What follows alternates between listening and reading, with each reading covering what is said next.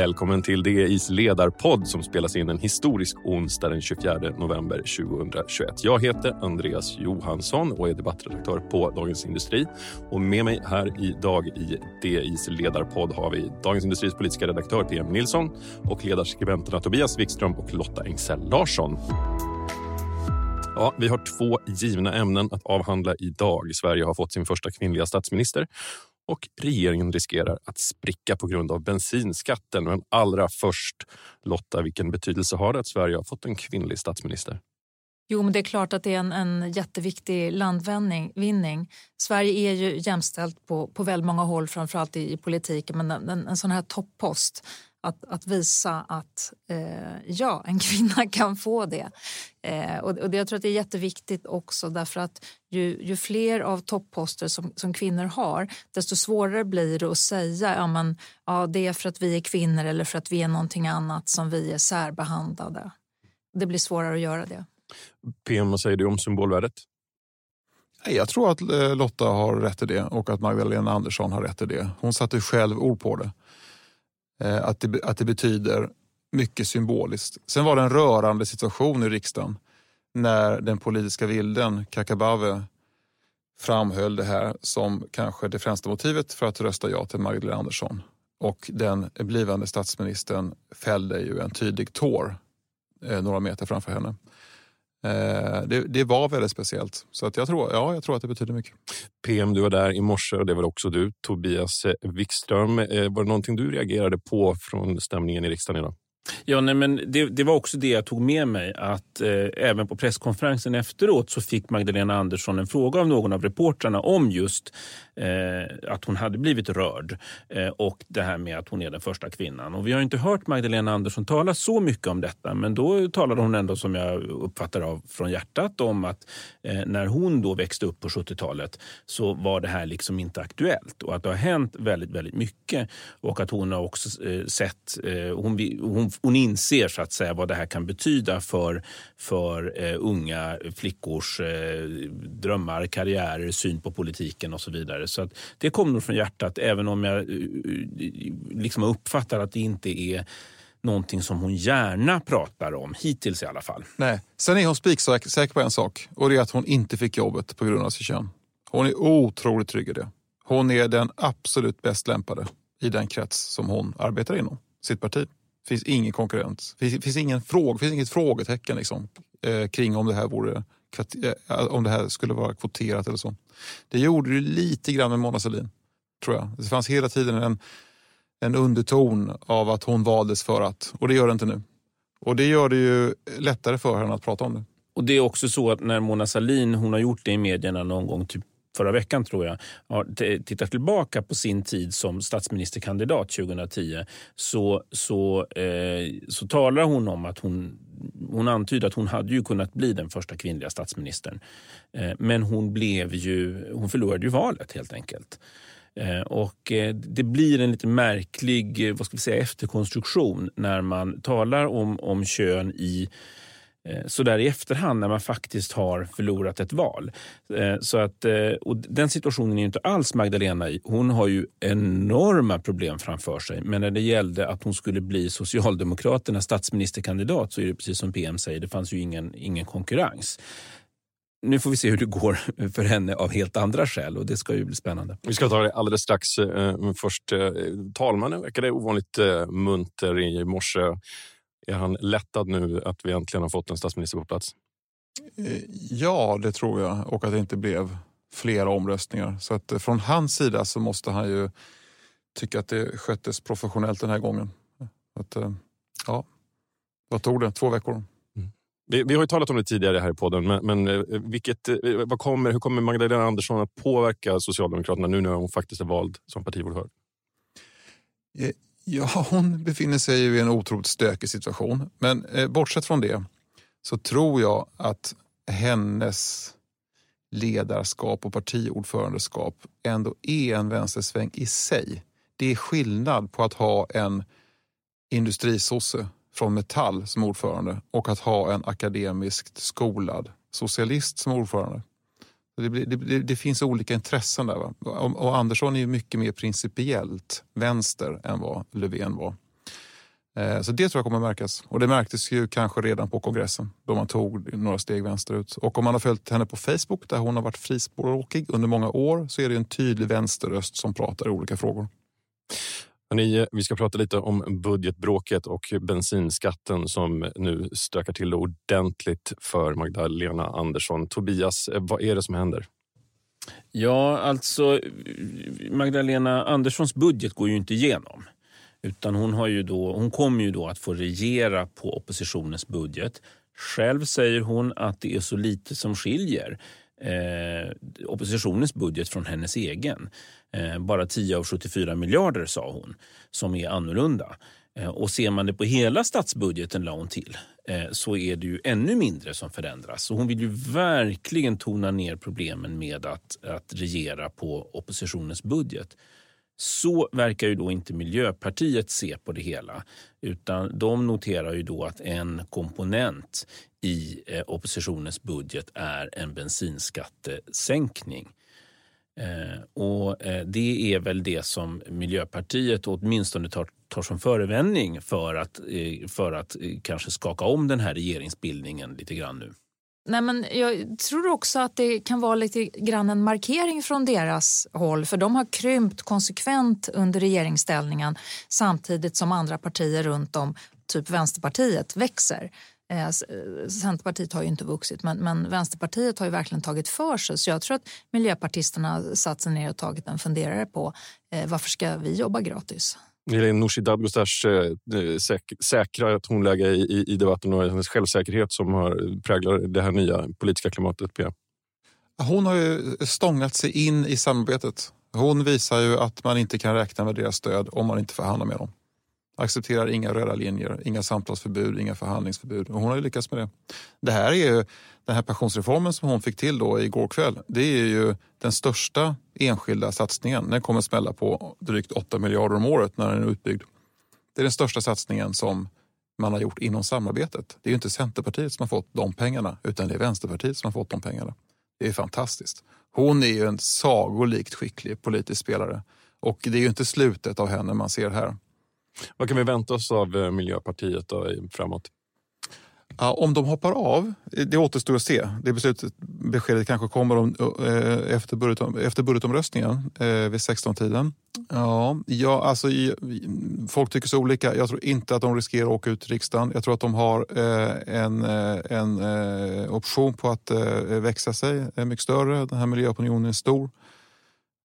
Med andra liksom, sammanhang än den här otroligt trasiga regeringen så kanske de kan fånga upp den. Eh, och då kommer de ju rimligen vara lika kompromisslösa då som Nooshi Dadgostar har varit. Så det blir ju tuffare och tuffare på vänsterkanten ju längre men, men månaderna kommer gå. Här. Men Miljöpartiet har ju tradition... Vi är specialister på det vi gör, precis som du. Därför försäkrar vi på Swedea bara småföretag, som ditt. För oss är små företag alltid större än stora och vår företagsförsäkring anpassar sig helt efter firmans förutsättningar. Gå in på swedea.se företag och jämför själv. Expressen gör varje vecka podden Politikrummet där vi djupdyker i det senaste och viktigaste inom svensk politik. Med mig, Filippa Rogvall, som programledare tillsammans med mina vassa kollegor. Och det är ju ni som heter Thomas Nordenskjöld, Anette Holmqvist och Viktor Bartkron. Politikrummet kommer med ett nytt avsnitt varje tisdag. Vi hörs.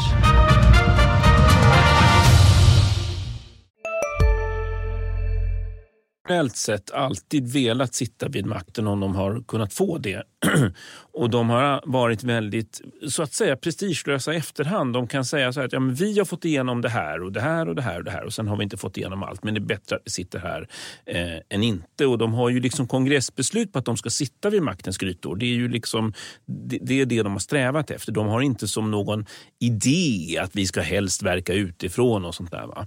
Så att om, om de är, skulle vara utanför regeringen så är, tänker jag att då är, blir det en kort period där de då kan säga att vi har tagit med, varit med och tagit ansvar men nu eh, blev det en annan budget och då kunde inte vi vara med. Och Då kan de kanske utnyttja det här utanförskapet under några månader så att säga.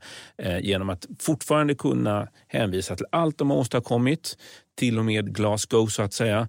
Och eh, nu de här sista månaderna blir de utanför och därmed friare. Slipper fatta nya Cementa-beslut så att säga. Det, alltså, skulle de hoppa av så är ju eh, det sista politiska framträdandet som eh, Per Bolund har gjort i en politisk sakfråga, det är ju att ge Cementa nytt tillstånd för att bryta kalk på Gotland.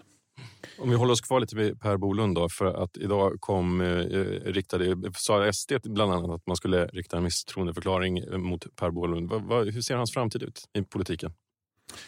Eh, ett misstroendevotum från de borgerliga eh, kommer inte gå igenom riksdagen om man räknar på partinivå om man säger. Men det eh, eh, mumlades om i riksdagen när jag var där att det tydligen finns starkt missnöje i Halland kring, kring något typ av beslut, kanske har att göra med Ringhals, eh, som gör att eh, eh jag vet inte vilka riksdagsledamöter, men några som, eh, som finns på vänsterkanten då skulle rösta annorlunda.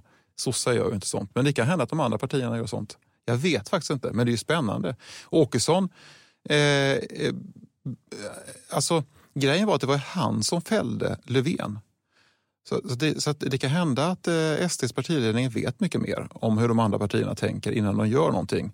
Det var likadant då när han kom med sitt misstroendevotum. Så tänkte man det här kommer inte gå igenom. Men det gjorde det för att Vänsterpartiet röstade på det. Så det kan hända att han, eh, att han meddelade någonting väsentligt idag.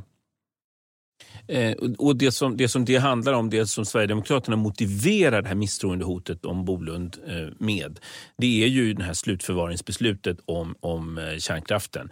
Eh, där de ju i likhet med, med eh, de borgerliga partierna, vad jag förstår, eh, anser att man har fattat bara ena hälften av beslutet. Man, alltså att, att kärnbränslet blir kvar i Oskarshamn men man har inte fattat ett beslut om, om var det ska hamna i slutändan och då kommer det bli fullt och det är ett hot mot den framtida kärnkraften. Eller nutida till och med. Det går inte att driva dem om mellanlagret är, Nej, är visst, fullt. Nej. Visst. Mm. Okej, vad säger det här om, om, om, läget i, i den svenska politiken nu? Det är, liksom, det, blir, det är de här små frågorna som liksom hela tiden driver, driver framåt. Det är, cementbeslut, det är strandskydd. Mm. Eh, pensionerna är naturligtvis mm. en stor fråga. Men, men vad, vad säger det om läget? Eh, rimligen har allmänheten väldigt, väldigt svårt att hänga med i de här detaljerna. Det är knappt att specialisterna på redaktionerna förstår liksom, alla de här intrikata Eh, frågorna. Var det, var det en framgång eller en förlust med strandskyddet? Var det en framgång eller en förlust för Centerpartiet i skogen? Men eh, det är väldigt svårt att veta. Man får olika versioner. Så där finns ju en sak. Det främ, det, eh, rimligen måste allmänheten titta på den här eh, cirkusen och eh, tycka att ja, man fattar inte vad som händer. Men det som händer i partierna det är väl att de här röda linjerna håller på att försvinna eller i alla fall tunnas ut. På högerkanten så har man eh, tagit bort dem och till och med Liberalerna har accepterat att det inte ska finnas några. Där pratar man med alla, det vill säga med Sverigedemokraterna. Och på vänsterkanten så har då Vänsterpartiet visat att de inte accepterar någon röd linje mellan dem och regeringen. Och regeringen, det vill säga SMP, har accepterat det. Det finns bara ett parti som håller kvar vid sina röda linjer och det är C.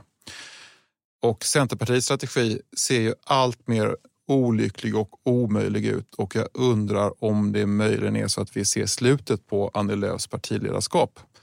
Eh, de måste byta linje vad gäller de här röda linjerna och de kan inte göra det med henne som partiordförande.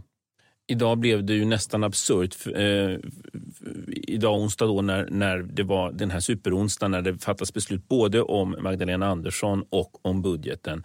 Där alltså då eh, eh, Annie Lööf släpper fram Magdalena Andersson eh, därför att man inte vill ge Sverigedemokraterna regeringsinflytande. Men man stöder inte hennes budget eh, därför att man har gjort upp med eh, Vänsterpartiet. Och ändå är det så att uppgörelsen med Vänsterpartiet den finns inte med i den här budgeten. Den kommer ju senare. Den ska ju bli verklighet senare. Och istället då så släpper man fram en budget som inte bara är stödd av Sverigedemokraterna utan framförhandlad i samarbete med Sverigedemokraterna. Och då hänvisar Annie Lööf till praxis. Då var alltså det här att, att liksom hindra Sverigedemokraterna och för den delen Vänsterpartiet från att få inflytande ja, men det betydde inte så mycket då. Så att hon har alltså då, eh, så att säga gett Vänsterpartiet eh, inflytande över regeringsmakten och Sverigedemokraterna över budgeten. Eh, det, det liknar ett fiasko. Mm. Men, men, hennes problem är väl idag att hon är ett i grunden historiskt borgerligt parti där en stor del av hennes väljare, framförallt de nya väljarna, är radikala. Så hon, hon sitter ju en, hennes, hennes väljarskara är kanske mer kluven än inom något annat parti. Sen är hon och hennes partiledning berömda för att mäta allting. De har ju så hiskligt mycket pengar. Sen de är ju miljardärer, Europas rikaste parti. Så de har råd att mäta allt. De mäter dagligen. Och det där, det där gör att det kanske blir lite speciella beslut. För de vet vad deras väljare tycker och tänker. Och de är ju inga strateger om man säger. Det är Nej, partiledningen och, som kan vara strateger, men exakt. inte väljarna. Och, och, och, det man får tänka på, man är ju också van vid att Socialdemokraterna gör stora mätningar. Eh, många mätningar hela tiden. Men men de är ju ett stort parti som ska vinna regeringsmakten. De måste ju vinna stora nya väljargrupper inför varje val om det ska hända någonting.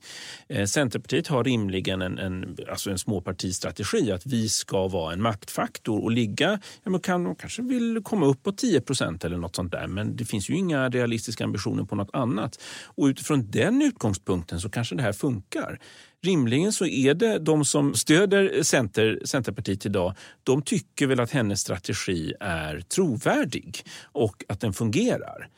Eh, så, så länge den bilden kan upprätthållas hos dessa sympatisörer så, så får man väl säga att då är det lyckat utifrån partiegoistiska eh, ståndpunkter. Mm. Jo, hon behåller sin väljarbas. Men det blir ju konstigt. Låt oss säga att deras eh, val dikteras av mätningar om man bara antar det, så kanske det inte är. Men säg att de frågar sina väljare. Eh, vill ni ha en, eh, en moderat eller en socialdemokratisk statsminister? Så säger de, vi vill ha en socialdemokratisk statsminister. Vill ni ha en, eh, en borgerlig eller en socialdemokratisk budget? Så säger de, vi vill ha en borgerlig budget med våra rutavdrag och lite skattesänkningar. Och, så, och så går de på det. Och sen blir det, som Lotta sa, fiasko i slutändan. För att det är ju inte så partier kan fungera. Men så tror jag Centerpartiet till del fungerar i alla fall. Vill man hålla sig uppdaterad kring läget i politiken så lyssnar man naturligtvis på DIs ledarpodd som är tillbaka nästa vecka. Tobias, Lotta och PM, tack för att ni var här idag. Peter Fällman är ansvarig utgivare. Vi hörs snart igen.